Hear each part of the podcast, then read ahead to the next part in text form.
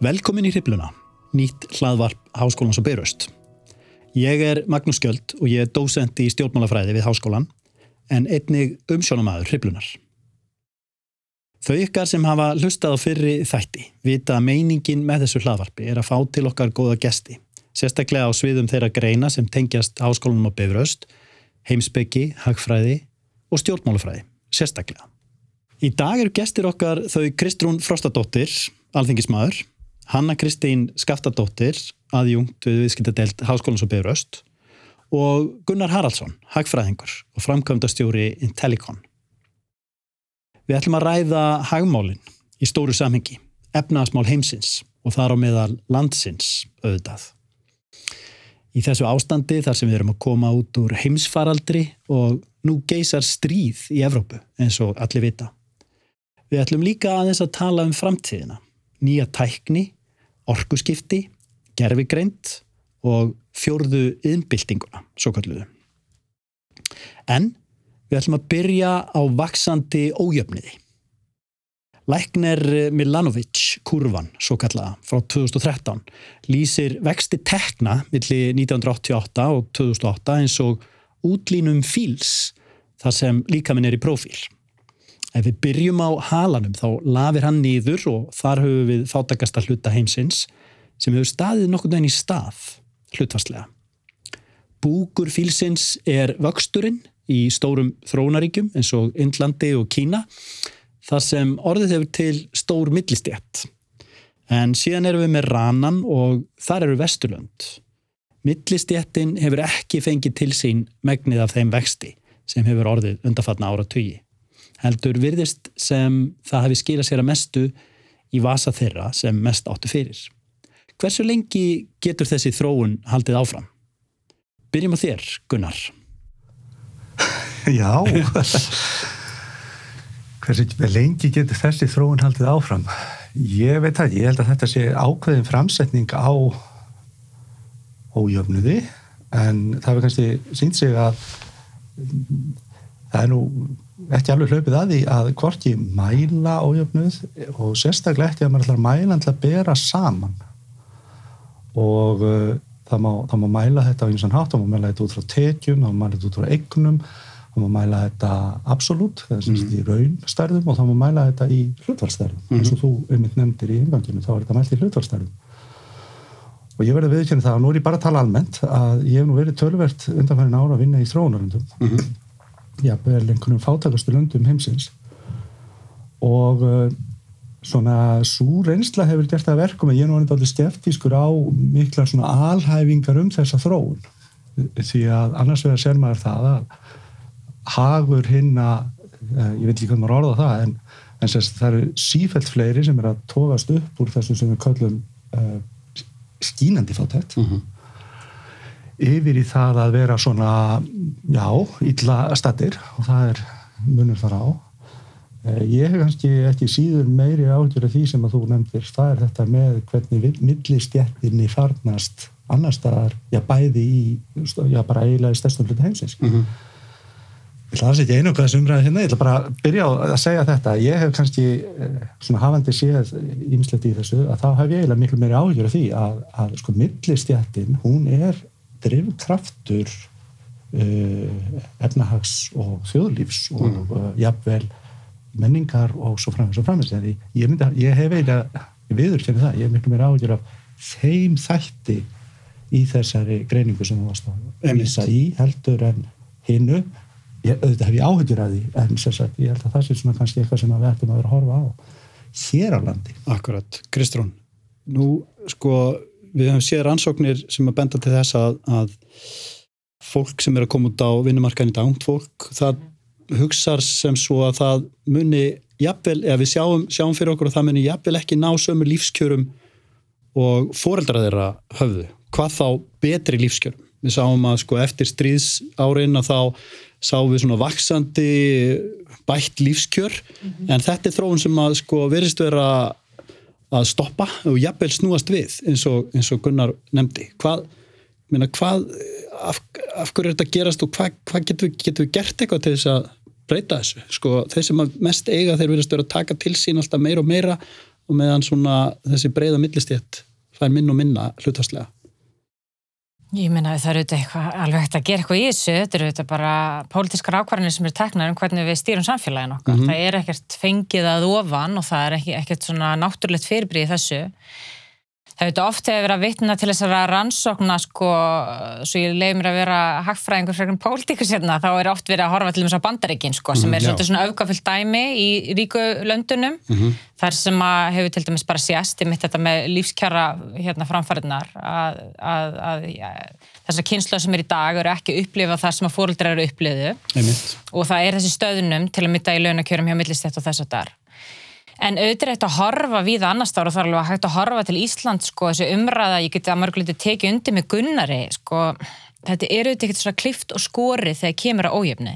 Það er oft til dæmis hort á Íslandi á tekið ójöfnuð sem -hmm. er mjög lítill hérna með að við í öðrum löndum en í dag er það samt þannig sko að það er eigna ójöfnuð sem fólk hefur mestar ágjur af. Um, mæleiningar á eignir er, er til dæmis mjög lélegar. Við vitum uh, mörguleit ekki nákvæmlega hver á hvað. Partur af því er meðal að því að skattkerðið okkar er hanna þannig að við fylgjumst rosalega vel með launafólki mm -hmm. en miklu minna með eignafólki. Um, þannig að, að það er ekki allt uppgefið, hlutin er ekki gefnir upp á markasvirði og það er erfiðar að vera með yfirsýn yfir það. Og samt eru þetta þættir sem að geta til dæmis ákvarðað í rauninu kaupgetu þín í framtíðin. Ef mm -hmm. þú ert ungur einstaklingur, um, ert á 500 krónum á mánuði 25 ára gafmall, þá er þín staða í lífinu allt öðru sem þú ert að leia en ef að fóreldraðinir voru kannski ekki eins og eignamiklir en auðvitað nógu mikla regnir til þess að aðstofa við að komast inn á húsnæðismarkaðin og afborgarnir eru, eru sko lægri á mánu. Þannig að þessir mælikvarðar eru þetta mjög afstæðir. Hvar mm. þú grýpir niður, hvers konar kaupmátt þú ert að mæla? Um, á Íslandi er mjög oft talað um svona kaupmátt uh, launatekna og þá er bara að skoða með við verðlag. Þegar við vitum að verðlag sem hver og einn sko mætir er mjög misend eftir því hvað er. Tekistöðunum þær neyslukarfa látteki einstaklings eða ungs einstaklings er allt öðru í sig en neyslukarfa eldri einstaklings. Mm -hmm. og sér í lægi þegar við sjáum fastegnaverð, íbúðaverð hækka svona rosalega mikið eins og það hefur undirförnum áratug um, þar sem að sápartur vegur miklu þingra hjá til dæmis láttökjuhópum, ungu fólki. Þannig að ég held að við, auðvitað þurfum við kannski að forðast gífurur því því samingi að segja allt sé ómögulegt og yfir í allt sé frábært, en við verðum samt að vera krítisk á það að það eru ákveðinu hópar sem er að lendi í verulegum vandröðum við að komast sér stað og þeir sem eru að komast að stað, til að mynda ungt fólk, sem að myndi falla inn í, í, í millistjættin, ekki endilega láti ekki fólk. Til þess að komast að stað þá þarf að skuldsetja sig um 10-10 miljónir krónum. Þannig að þetta er auðvitað bara pólitíst efni að mörgu leiti. Mm -hmm. Þetta er ekki bara eitthvað hagfræðilegt efni, þetta er ekki náttúrulegt fyrirbrið, þetta er allt forsundum háð. Hvaða, hérna, hvað ég segja, hvaða úrraði er til staðar fyrir fólk til að koma sér að stað í lífinu og þar þurfum við þetta stjórnveld að hafa einhverja mm -hmm. skoðun, sko. Hanna, hvaða, hérna, hvaða, hvaða sín hefur þú á þetta mál sem fulltrú unga fólksins kannski? Þeir eru náttúrulega all ung, bráð ung. Já, hérna, ég horfi kannski á þetta frá aðeins öðru sem vinkli heldur en hérna Kristrún uh, horfi ekki á þetta endilega frá stjórnmóla eða hagfræði grunni, heldur líka frá mínu sérsviði sem er viðskiptagreind og tækni. Mm -hmm. Uh, og ef þú horfir lengra aftur heldur en bara til 1988 eins og þú varst að tala um, þá ef þú horfir aftur til 1900 um, þá sést það líka yðinbilding þá. Og ef þið kíkir mörg hundur ára aftur í tíman þá allt í einu kringum 1900 og það fyrir kurvan bara og spækar uppvarðandi eh, verka landsframlegslu í heiminum mm -hmm. að þeir bara sjá einhvern svona exponential growth sem mm -hmm. helst í hendur við þessa tæknuþrón sem á þessi stað Emitt. og fyrst eru við að horfa til yðinbildingar og förum úr því að, að hann gera bíla bara með, með mannabli og yfir í það Henry Ford setur upp færibanda dóti fyrir, fyrir bílina til, mm -hmm. til þess að geta unnið á hraðar um, og það gleymist oft vegna þess að fólk er núna ofta að hugsa, heyrðu, býtið þessi fjörða yðinbilding, er hún ekki að fara bara eða út störfum og þá koma mótreikin uh, nei, nei, störfum bara breytast vegna þess að, veist þegar, þegar við lögðum af það að vera að smíða bíluna með höndunum, að þá komi færiböndin í staðin sem að gáði bara meiri framleiðslu og ef við erum að auka alltaf landsframleiðsluna uh, að það verða allir ríkari. Ok, mm. en það sem vantar að sjá inn í þessu að alveg samhliða þessu að mm -hmm. samhliða örari tæknatrónum. En er það nöðsilegt?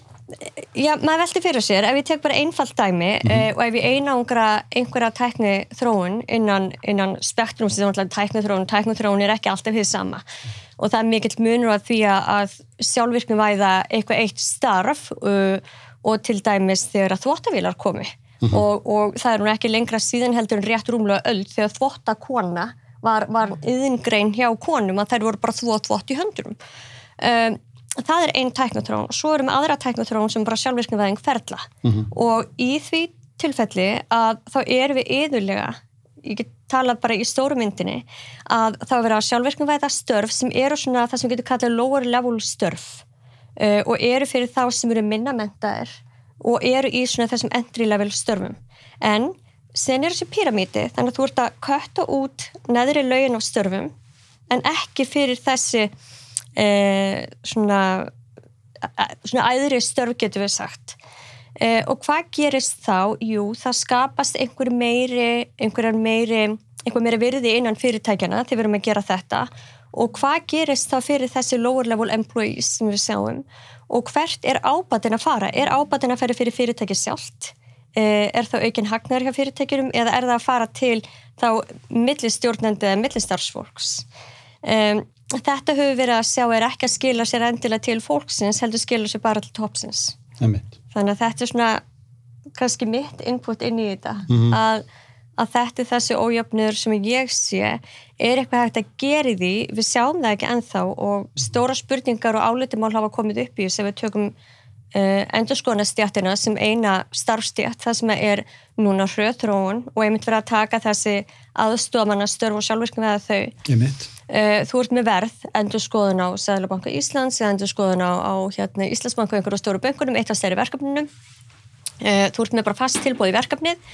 Íslandsbanki hefur kannski greitt svipa verð veist, í síðustleginn tíu ár, nú ert búin að sjálfvirkni væða segjum 30% af störfunum og þá ert að útskulda færri tíma til bankans en þú ert samt með fast tilbúð já. hvert verður ábæðin? Einmitt, einmitt. Hvað segir þú Gunnar?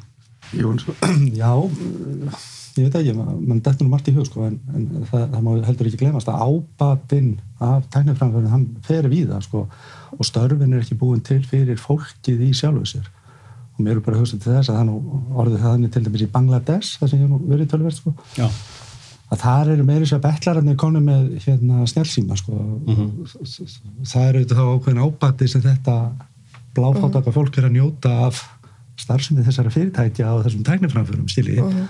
Þetta er þetta fyrsta sem að fólk unglar sér fyrir það er í raun og veru snjálfsíma þetta er bara mm -hmm. stæmi um að, og það eru þetta ábati þetta er ábati fyrir fólk sem er bara neytendur ábati fyrir neytendur í hagkjörnum og í þessum löndum Þannig að eitt er ábætti þeirra sem vinna hjá þessum fyrirtækjum og annað er ábætti samfélagsins. En er ástæð til þess að óttast um störf og um hva, hvað verður um fólk sem að missi störf út af Ég veit ekki, og mér er ótt högst að til þess þetta er nú örgulega líið, þetta er ákveðis dæmisaga um hérna þegar Nixon fór til Kína og kynverðinni fór að sína honum þar sem þið voru að byggja stíplugnar og þeir horfðu svona hefur svæðið og hann á alveg aðra grúa fólki sem að held á sem sagt svona yfir axlirnar á svona hérna e, til að bera burtu moldina og svo voruð með skoblur og, og amerikaninni sögðu, heyrðu, við getum bara selgt ykkur gröfur í þetta. Uh -huh. og þá sögðu kjöfnirinn, nei, nei, nei, það séða til við, bara það að við gerum þetta svona, gerum það verkum. Að hérna skapa sko bara störf fyrir tíu smars og þá saði einn hann efna að sagði, já, ekkur er látið að hafa skoblur ef þú tekur aðeins skóplum þá er þetta alveg fyrir hundra ásna sko. þannig að það verður markmið í sjálfur sem er skap störf þá, þá er það einfaldasta leiðin að gera svona. Já, en þetta er alveg þekkt og það sem kemur fólk með þessi mótrök og segir já, það, það skapast nýstörf og það er rétt að það skapast nýstörf þannig þegar störf þeirra sem eru í þessum einfaldri störfum það skapast bara nýstörf eins og með bandiríska herin að, að þá að byrja að senda inn dróna í staðast að senda alltaf inn landgönguliða mm -hmm. og það eigur öryggi mannfólks að bæta inn tækninni eh, en það er samt þessi ójöfnuður þó sem við sem líka bæta öryggi í leiðinni að þá er samt aukin fjárhagslur ójöfnuður á milli mm. aðeila er, er eina leiðin að hækka skatta á þá ríkustu, Kristján? Hvað var ég þess? Mér mér langar endar aðeins að hann í kemur Hvers vegna skildir þú fá þessa spurningu? Hérna, sko, eins og með störfin eins og Gunnar var að tala um með skoplunar og hendunar, sko, við búum með þetta líka í þannig kerfi að mæli hvarði á ábata hefur verið í gegnum launað starf, skilji, það er svona einmitt. mjög eðlileg leið eða náttúruleg leið finnst okkur til þess að segja þú ert búin að vinna þér inn ákveðin hluta af kökunni, skilji og eftir því sem þetta ferlar breytast og tækna þess að þar og þú kannski ferð fjær ákveðnum svona ferli, þú þarft færri vinnandi hendur í þetta, ábatinn helst eftir en hann Einmitt. skiptist öðru í sig þá skortur okkur einmitt kannski tól og tæki til að ákveða hvernig við skiptum kökunni og ég held að þar sé þú veist, þar komum við inn í E, mér leiðist vera alltaf að mála upp svona pólitíska mynd en það er svona að ég get leift mér að gera því nú er ég komin í stjórnmálin. Meina, það eru þetta bara forsendurnar og leikreglurnar sem við sköpum sem samfélag. Hver er mælikvarði á hvað þú átt skilið af hverju einu? Aha. hinga til hefur það verið laun fyrir launaða vinnu ef að svo vinna breytist og eðli hennar þá þurfum við eðli málsins sangkvæmt að breyta þess leikreglunum. Og þar komum við kannski að þú veist svona bakdara meina spurningunni við þurfum auðvitað að endur hugsa þessar leikreglur. Og þar bera stjórnmálamennu auðvitað ríka ábyrð vegna þess að kerfin okkar eins og ég sagði á, á, hérna áðan þau kom ekki af himnum ofan. Meir sem markaðir eru ekki náttúrulega fyrirbyrði. Akkurat. frjálsir markaðir eru skapaðir af lögum og reglum sem gera fólki kleift að verja eignir sínar með eignarétti, stunda heilbrið viðskipti og þetta er regluverk sem hefur mótast í gegnum árin og aldir og þess að þar. Nú erum við komin á annan stað Uh, og það þarf að velta fyrir sér, þarf að eiga við regluverk, þarf að eiga við lög og þarf mögulega að eiga við það hvernig auðæfum og, og ábata er skipt með einhverjum þar sem að sumir kalla inngrip en er ekkit annað en bara aðlögun skilur okkar kerfis að breyttum háttum í samfélaginu. Hvort að það snúaði bara að hækka skatta á, á ríkt fólk sko, það eru þetta bara ymsar leiðir til þess að auka gjaldtöku eða skattlegningu ef við viljum búa í kerfi þar sem við nýtum samtryggingu. Ég geti þetta bara að tala fyrir mína pólitíska hugssjón sem er það að ég trúi á samtryggingu. Skilji, ég trúi á norrænt velferðarlíkan þar sem að fólk greiðir inn í samtryggingu, fær út úr því eftir þörf, eftir tímabilin í lífi sínu og ég vil vera reynskil með fólk að það kostar reyka þannig kerfi. Og hagfræðingurum mér veit líka að til þess að koma í veg fyrir ofþenslu þá þarf það að vera með mótvæðisaðgerðir, þú þarf stundum að fara í skattlegningu, taka hlut út úr kerfinu. Og ef við erum komin að þann stað eins og má lesa bara víða í álutum þegar við erum kortið verið að tala um, um, um fjármálastefni eins og opinbera eða bara almennt um hagstjórn, að fólk vil til dæmis meina af því að störfum fari fækkandi eða fólki að minni fari, fari um aldri fari fækkandi, réttar sagt Einmitt. og þá sé skattstofnin fyrir laun að fara hlutvalslega minkandi en þjónustan ekst auðvitað verðum við þá að huga að öðrum leiðum til að skattleggja. Og þá þurfum við að taka pólitíska ákvörðun. Hvað finnst okkur sanngert sem samfélag? Hver er ég að bera þær byrðar? Sumir tala fyrir því að auka vægi neyslu skatta sem ég er á móti venna að þetta eru flötustu mögulega skatta sem getur lagt á fólk. Það borga allir sama skattin eins og vaskin óhað getu. Það er hægt að tala um eignaskatta auðlindaskatta en það liggur alveg fyrir að það þarf að endurskipilegja skattkerfin til framtíðar til þess að standa undir þessari breyttu heimsmynd og, og að að öðru leiti munum við lenda í vandræðum. Og þá er hægt að nota samtrygginguna til þess að kannski, hvað ég segja, brúa byli tímabundið millir svona tímabila því að það er mjög hættulegt við komist á þann stað. Að hópar setja sig á móti tækniframförum og breytingum, nöðsulum breytingum á kerfin okkar vegna þess að til skamstíma eru ákveðna einstaklingar sem eru á jæðrunum sem vissulega líða fyrir það. Og við erum að hjálpa þeim einstaklingum hvort sem að það sé ungt fólk eða eldra fólk sem er að ljúka sinni starfsæfi að geta þá lokið sinni starfsæfi með reist og fá stuðning við það, endur þjálfum hvað svo sem er, svo það kom það ekki veg fyrir að, að það skapist tækifæri í þessu. En erum við ekki með ákveðin svona, hvað var að segja, ómöguleika uh, í gangi í samtímanum vegna þess að við erum með sko svona daldið opið hagkerfi, nattrænt, en við erum með þessi ríki sem að búa við alveg gríðarlega ólíka efnaðslega getu og bara svona efnaðslíf og, og ríkidæmi og sko og bara sko ólíka líka, hvað ég segja, ólíkt ríkisvald og ólíkar valdheimildir ríkisins og hérna er, er, er ekki sko, þú veist, sko, er, erum við ekki bara skjóta okkur daldi í fótinn með því að, að, að skatleggja fjármagnið á einhverjum einum stað að því að fjármagnið getur þá bara farið eitthvað annað. Er það ekki, er það, ekki það sem gerist? Þinn er ríkum munu finna leiðir til þess að komast undan þessu skattum. Hvað segir það? Er ekki, er ekki bara þetta alþjóða kerfi megin gallað þegar kemur að, að dreifingu fjármaksins? Vilja ég tekja þetta? Ég var að tala. Eða ekki? Gunni? Gunnar? Og ég gæðis hugsa, er ekki einhver annar tilbúin að ég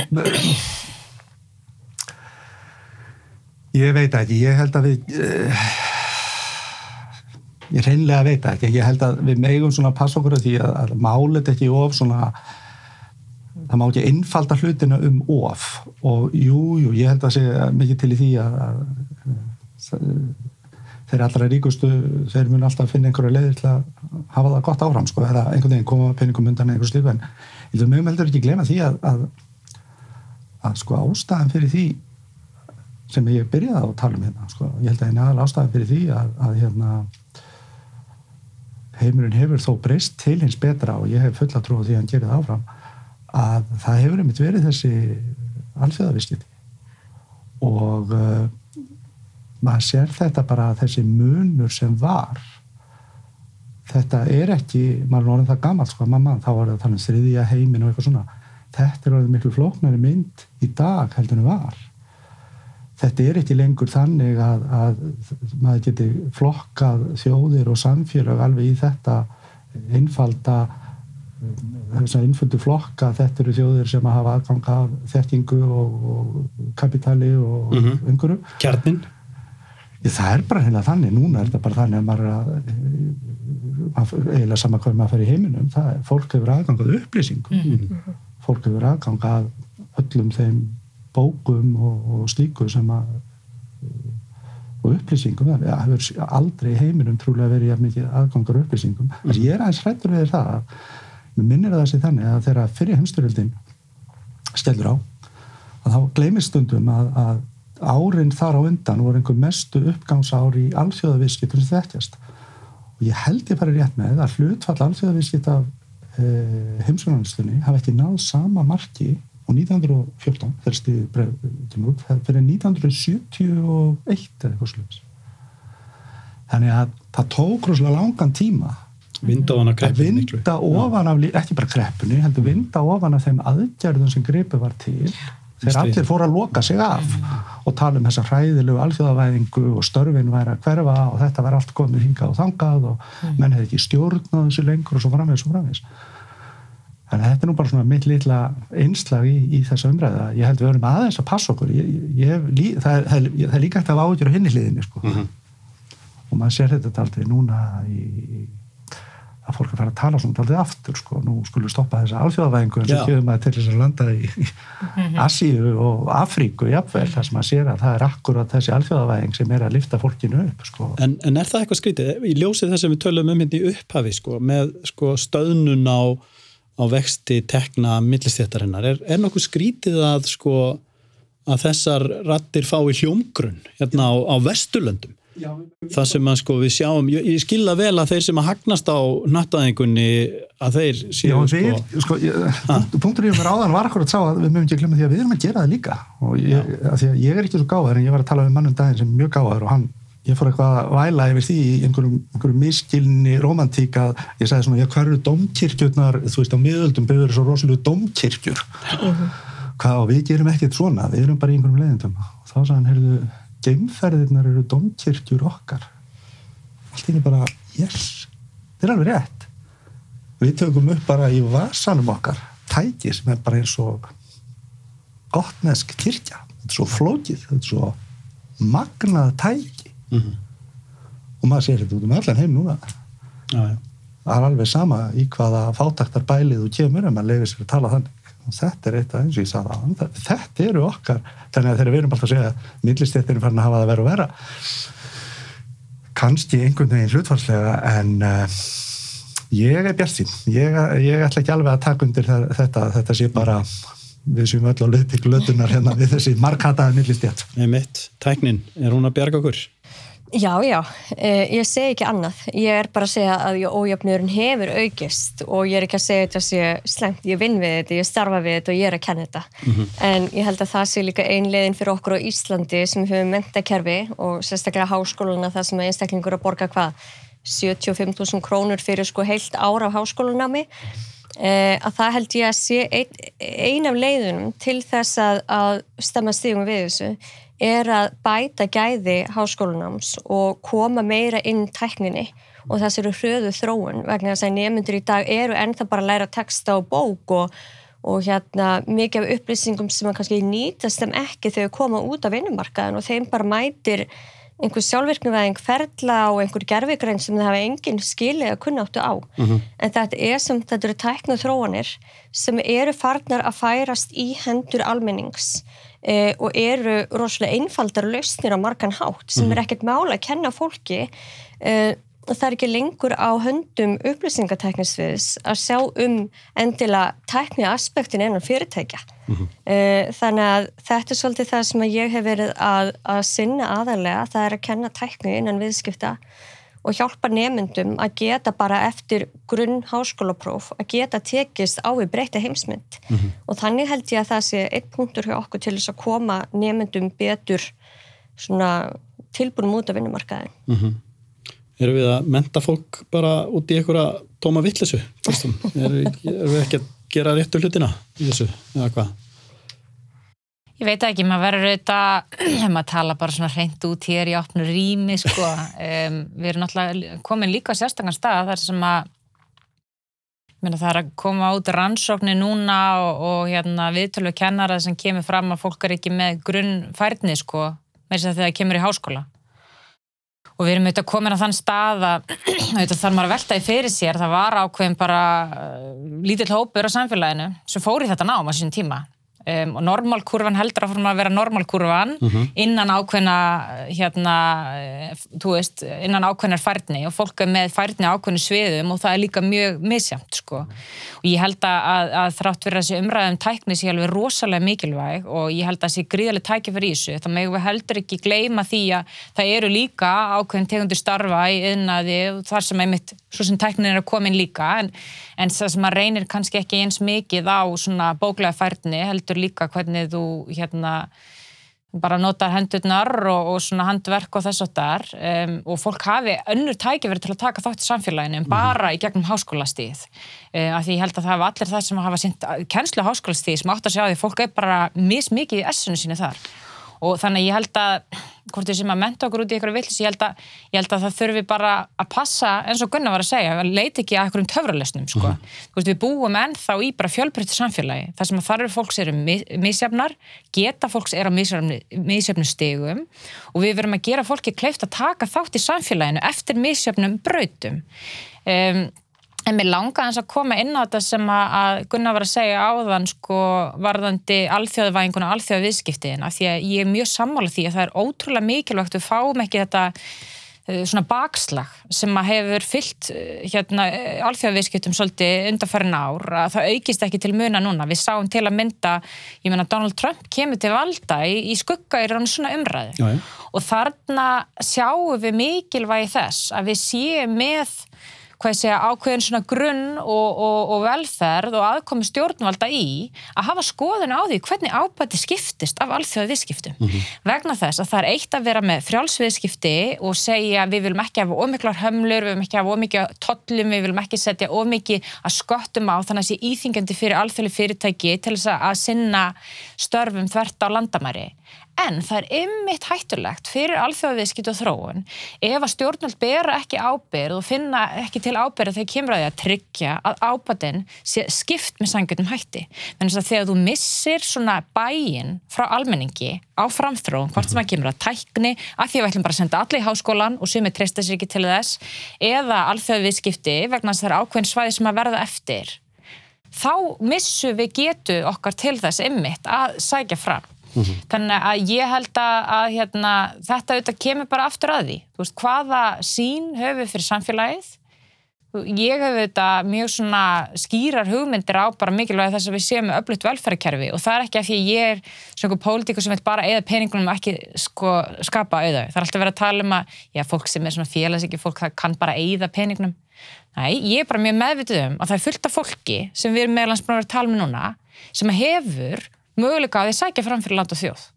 Og bestu hugmyndirnar, þar fæðist ekkert alltaf á eldursporinu hjá þeim sem að hafa sterkasta baklandið og það er mjög mikilvægt ef við ætlum að geta sótt fram í tækni ef við ætlum að geta verið opinn hérna þegar kemur að alþjóðaviðskiptum og viðmóti og fólki upplifi eins og það hafi jafnan aðganga að það sækja fram mm -hmm. þannig að þess vegna meigu við heldur ekki gleyma í þessari svona stjórnstjórnu hugmyndunum um að tæknum muni bjarga okkur eða hefur öfuga að, mínum að þið er þetta líka svolítið svona gamaldags bara velferðafræði líka sem þarf að hafa til staðar til þess að við, að við getum notið góð service. Nei mitt. Hanna, þú er að vinna í þessu nýsköpunarfræðum og með frumkölum. Er ástæði til bjart síni þar? Já, heldur betur. Já. Og við sjáum mjög, mjög hraða á þróun en á sama tíma líka þau verkefni sem ná flugi ná oft mjög góðu flugi mm -hmm. og það ber rosalega mikið á milli þeirra aðeila sem ná góðu flugi mm -hmm. og fótfestu og sérstaklega þau fari í erlendamarka svo uh, og þeirra fyrirtækja sem eru bara mögulega hérna heima með mm -hmm. einhverjar einfalda lausnir en jú, klárlega bjart sinni og eins og ég segi, ég sé bjart sinni þó sem ég sé líka ójöfnið en skapast, ég veit ekki hvernig ég stemmast þingum við því uh, og, og eins, og, eins og við tölum um, um geimferðir og margt fleira og við erum að tala um eh, sko bara verkefnið sem eru hjá Decode þú veist það sem er mikil framtróun í tækni en þetta, þessi tækni og þessi framtróun sko framtróun og tækni er ekki alltaf sami hluturinn. Vegna þess að stundum eru við líka bara að tala um sjálfverknum veðingu ferla en ekki beint framþróun þar sem við erum að skapa eitthvað nýtt sem að gefur ábútt allir samfélagsins. Emme. þannig að það er ekki endilega öll framþróun alltaf góð framþróun og oft sjáum við ekki eins og þegar að hérna færibandavinnan kom, ef við tek bara aftur Henry Ford sem dæmi, að þá þótti það létta mjög mikið und, undir mönnum, að þeir voru ekki lengur að nota alla, allt líkamsaflið í að setja saman bílana. En upp komu önnur vandamál og það voru, það voru aðvað slísahættan við færiböndin og svo nú erum við að segja hei, býtunum við, við erum komið ennþa betri tekni, við látum bara vjálminin sjá um þetta. Og þeir faru bara baku tölvurskjáun og stýri vjálmininu þannig að þeir eru komin í öryggið. Þannig að það er alltaf verið að breyta einhvern veginn síninni en við sjáum ekki og ég held við getum ekki í dag séð nákvæmlega fyrir hvaða áhætt er að skapast þá núna. Vegna þess að við sáum þetta ekki fyrir með færiböndin að Nei. þetta myndi skapa mikla slísahættu og, og setja velferð og öryggi einstaklingarna líka í hættu. Mm -hmm. Eh, þannig ég held að, bara, ég held að tímin einminni leiða í ljós hvað muni gerast í framtíðinu Stöðsíðan var verið að benda það að þessi teknikeri væri að verða segja, fjórðastóðin í efnarslífinu hérna er það, er það tilfellið? Er það rétt? Já, er það ekki ég, hérna sá okkur tölur hagstofunum um þetta og hérna Þetta er flokkað undir annað Þetta er flokkað undir annað? Þetta annað er að verða mjög stórt. Allir, allir vilja eigna sér þetta annað. Já. en jújú, jú, ég held alveg öruglega en svo er þetta líka uh, víst uh, þetta sveiblast mikið vilja ára vegna uh, levíjæðinaðarinn mm -hmm. svo svona, sko, þannig að þetta er ekki alveg einföld mynd. Mm. og ég meina, er ekki allir í einhvers konar hugverkaðina eða þannig, nánast erum við ekki því hér, ég veit það ekki. En við höfum, en við höfum verið það síðustlega ára tíi og það má ekki gleyma því að, að hérna ídeolíkja hérna í endurskoðun og reikniskvilum um að það skildi verið einhvers svona heildstæð sjálfvirk endurskoðun á fyrirtækjum með gerfigreind og rópatum er tilkomin frá árunni 1985 og fólk talar alltaf í dag um þess að við sem að fara einhverja svona stafræna væðingu og hinn og þessu, við erum að tala um einhverja sjálfvirkni væðingu, við erum að tala um gerfigreind þetta er ekkert ný hugtök, þetta er ekki ný tækni mjög langt í frá, það er allt annað sem við erum að tala um sem er ný tækni. Um, þannig þetta er svona meira núna einhvern veginn að ná fótfest og mér finnst það mikilvæg breyting hafa verið síðustu bara þrjú ár. Og ég er búin að vera í þessum nýsköpunni gera núna í hvað, hátt í 8-10 ár? 8-10 ár, ekki 8-10 ár ekki og hérna, og mér finnst svona síðustu þrjú ár bara hafa tekið mjög stórum skrefum mm -hmm. og, og miklu fleiri í þessu. Það eru þetta Eh, skattfrádráttur til fyrirtækja sem eru í nýrsköpun og þróun hefur aukist og jógst að COVID-tímabilinu úr 20% endugreðslu yfir í 35% eh, sem að gaf mikið og fleiri aðalega líka meðvitaður um skattfrádrætti. Uh, það settið meiri peningu til tæknatrónu og sjós, margfald fleiri framlög, eða sem stærri framlög til þeirra þannig að það er líka svolítið verið að örfa einstaklingarna til þess að fara inn í skupurna af hennu ofnbæra Mm Við vorum aðeins að tala líka um mentakerfi hérna á hann og kannski við verðum að menta fólk fyrir sagt, í vittlusa hluti sko, kannski einhverju leiti sko, ég minna við erum náttúrulega með þessu sko, hagkerfið í dag hérna á Íslandi, að sko við erum að sjá fyrir okkur vöxt núna. Og það er fyrst og fremst hvað, ferðarþjónustan er það ekki, hún er að komast aftur á skrið. Og byggingariðnaðurinn og í báðum þessum tilfellum þurfum við að flytja inn starfsfólk, er það ekki? Vegna þess að við erum ekki með fólk til að sinna þessu. Og það skapar þrýsting á húsnæðismarkaðin hvað? Er settu spurning líka við byggingariðina Já, Já. ég veit ekki má maður segja já og nei? Já, hérna ég nú, þetta fer nú að verða nánast 80 ár hjá mér en sko ég er mikið, daldi veldi fyrir mér. Ég finna bara í mínu litla starfi og mínu litlu verkefnum sko að, að, að þetta er nú eitt af því sem ég blessunlega hef skipt um skoðun á sem er mjög hressandi á til að skipta um skoðun. Og ég var einhver tíma fyrir mörgum mörgum árum. Þá var ég á þeirri skoðun að það væri mjög mikilvægt svona hvað fólk lærið í skólum. Og svo eftir ég fór nú að vera alltaf lengið þeim sjálfur og, og kenni þeim sko þá eiginlega breyttist afstæðan mín. Því að sko kennum ekki það sem okkur vantar er ekki er þekking. Því að þekking er eitthvað sem við getum bara nálgast 1, 2, 3 það sem okkur vantar er hæfni. Það er fólk sem hefur hæfileika í að takast á við verkefni greina þau og leysa þau. Og við getum alls ekki setið hér og sagt hverjar og það fyrir mjög í töðan á mér þegar fólk segir já við þurfum að greina þarfir framtíðarinnar, ég hef ekki hugmynd um hvað þarfir verið framtíðin ég veit að bara að ef að mentakerfið ætti að gera eitthvað þá er það að það er að hafa nægan fjölbreytileika því fólk er mismunandi.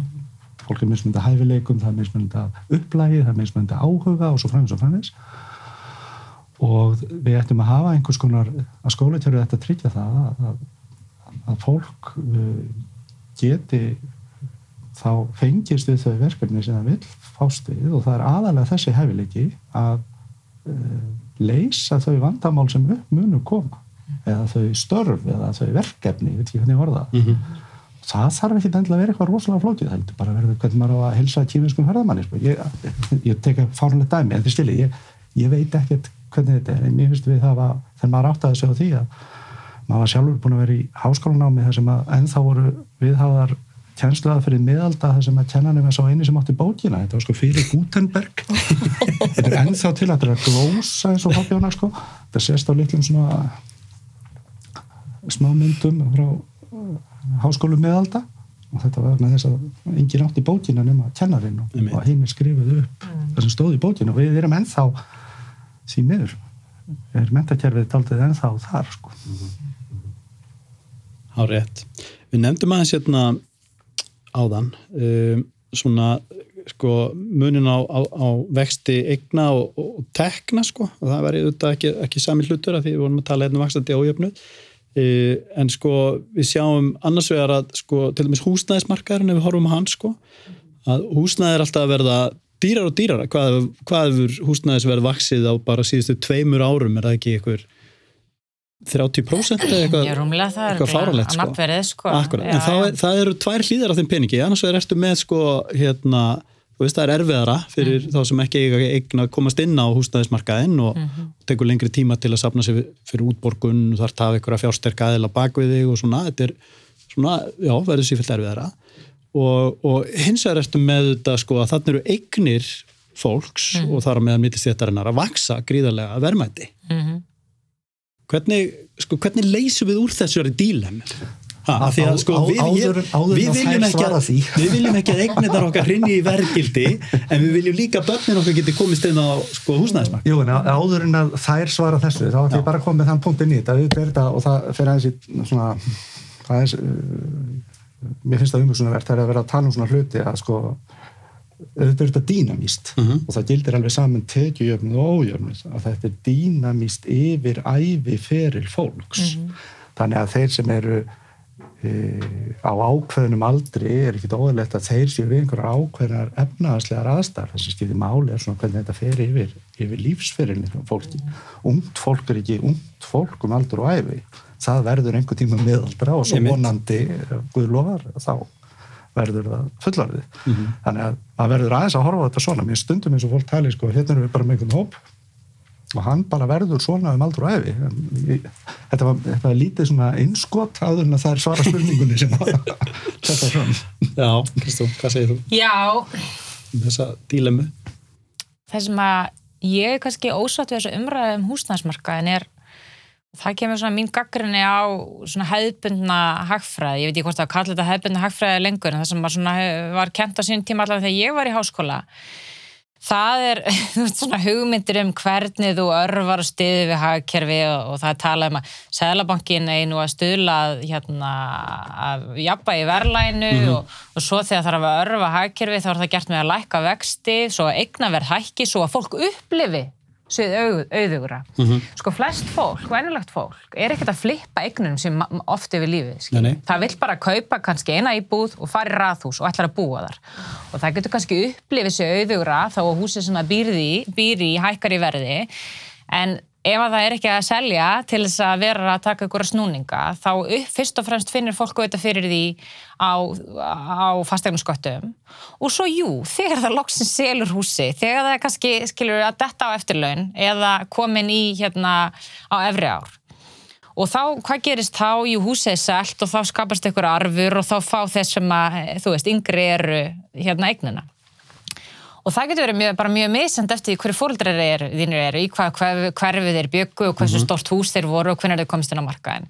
Þannig að þó ég sé auðvitað, ég er alveg sammála gunnar, ég menna auðvitað þetta dýnamist. Vandin er auðvitað ef það verður erfæri og erfæri að komast inn á ákveðnum aldri mm -hmm. og ef út lengur og lengur að borga skuldinnar af húsnæðinu, skiljið, verna þess að sko, húsnæðið getur hækkað í verði en ef þú ert, maður er að heyra sögur að það í dag að fólk er að taka 60 miljón krónar lán fyrir fyrstu eign Mm -hmm. Fólk er að taka 100 yfir 100 miljón krónar lán yfir annar eign, sko bara yfir höfuð að það sé lánagerði í kerfinu fyrir svona dýrum fastegnum.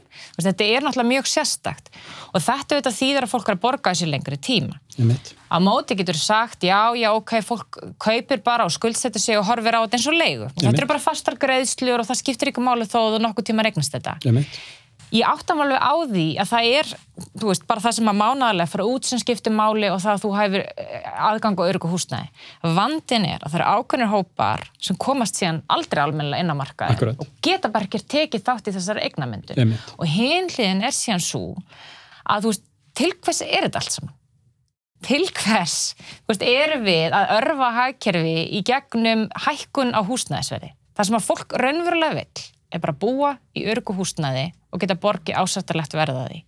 Það getur verið leiga ef að leiguhúsnaði væri stöðugt og það væri aðgengilegt og auðveldara. Á Íslandi er það þannig að fólk gerir það í gegnum, hérna, eh, með, gegnum með að kaupa sérst, húsnaði beint. Ég set bara spurningamerki við það að við erum að ganga í gegnum til dæmis að þennslu í dag sem fyrst og fyrst drifina fram á húsnæðisverði. Já, já, við getum alveg tekið húsnæðisliðin út úr verðbólkunni en þetta er samt eitthvað sem hefur áhrif á greiðslur fólks í dag. Þetta hefur áhrif á fastegnaskatta, þetta hefur áhrif á afborganir og þess að það er. Þannig að þetta, ég er bara að reyna að velta í fyrir mér hvað þetta endur allt saman. Mm -hmm. Í eðlilegu jafnvægi, þá værur ekki með fastegna verða að hækka langt, langt, langt, langt umfram verðlag ár eftir ár, eftir ár, eftir ár. Það er augljóslega ójafvægi til staðar. Um, já, einhver græðir á sér til skamstíma og einhver mögulega erfið börnin sín þegar það verður áttræðið. En þá í millitíðinni er, er einhver annar sem að, í rauninni bara algjörlega mista lestinni. Þannig að ég veit þetta er ekkert svona, þú veist, kannski mjög skýrt svar. Mér finnst það bara oft gleymast í umræðum húsnæðismarkaðin að það er talað um þetta eins og þetta sé bara eitthvað svona markaður og svona séu markaður bara og frambóða eftirspurn og skilur þetta ekki bara, þetta er bara frambóða eftirspurn. En þetta er bara velferðarmál og það hlýtur að vera hægt að hafa áhrif á hvernig þessi markaður þróast ef að þú hefur annar bara áhuga á eh, almenni velferðarstjórn í landinu Já, ég ætla bara aðeins að verja hérna, þessa 19. aldra hafðræðingar sko. það, er Ég var nokkið ósamlega menn sko. Nei, ég var að útlika hugmyndina Ég ætla bara að stjóta því að, sko, að, að sagt, húsnæðismarkaðir er einhverjir mikilvægastu markaðir í hægtjörunu og það er trúlega fáir markaðir sem er jafn mikið krukkað í.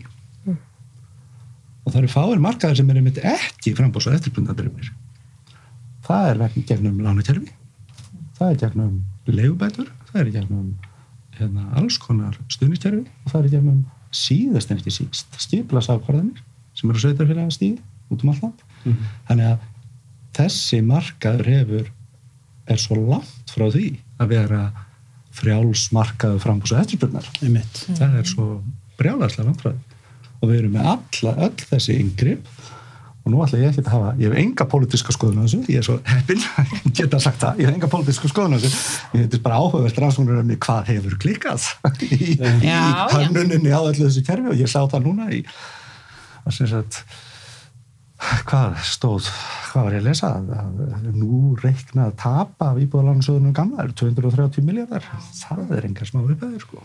En það má reynda líka, núna er ég komin að píniflug, sko, ég, hérna, ég verðs að segja, ég, sko, auðvitað er alls konar yngripp á þessu markaði. Það sem er mér finnst samt hins vegar aðtöfuvert er að, ég menn, hér var ákveðið að lækka vexti út á COVID, skilji, út af því að fyrirtæki lendi í greiðslustoppi, að því að fyrirtæki þurftu fjármagn og þá var ákveðið að lækka vexti sem átt að fara á lækkun og greiðslubyrði hjá fyrirtækjum. Og hvað gerist? Þetta gusast í húsnæðslán. Þannig að stýringin er nú ekki meir en svo og ég er ekkert endilega að segja að stýringin eigi að vera þarna. Það sem að stýrir fyrst og fremst verðið á fasteinumarkaði er ymitt fjármagn. Ekki endilega bara fólk og veist, það var ekkert allt í hennu bara svona rosalega mikið meira af Íslandingum á landinu í COVID. Það varu peningar. Og auðvitað er það umhugsunar efni þegar það er farið í úrræði sem átt að beinast í eitthvað allt annað og það geti gusast inn á svona mikilvægan markað og það er einhvern veginn bara segja engin neitt, gera engin neitt og það gerist ekkert í middiltíðinni og síðan er það hitt varandi íbólansjóð. Sko, íbólansjóð var náttúrulega stopnaður uppalega til þess að veita 90% lán til tekjulára. Svo var tekin hér ákvörðin 2003 og hér þarf enginn að verja það neitt, ég get bara sagt þetta, um að veita öllum aðgang á þessu.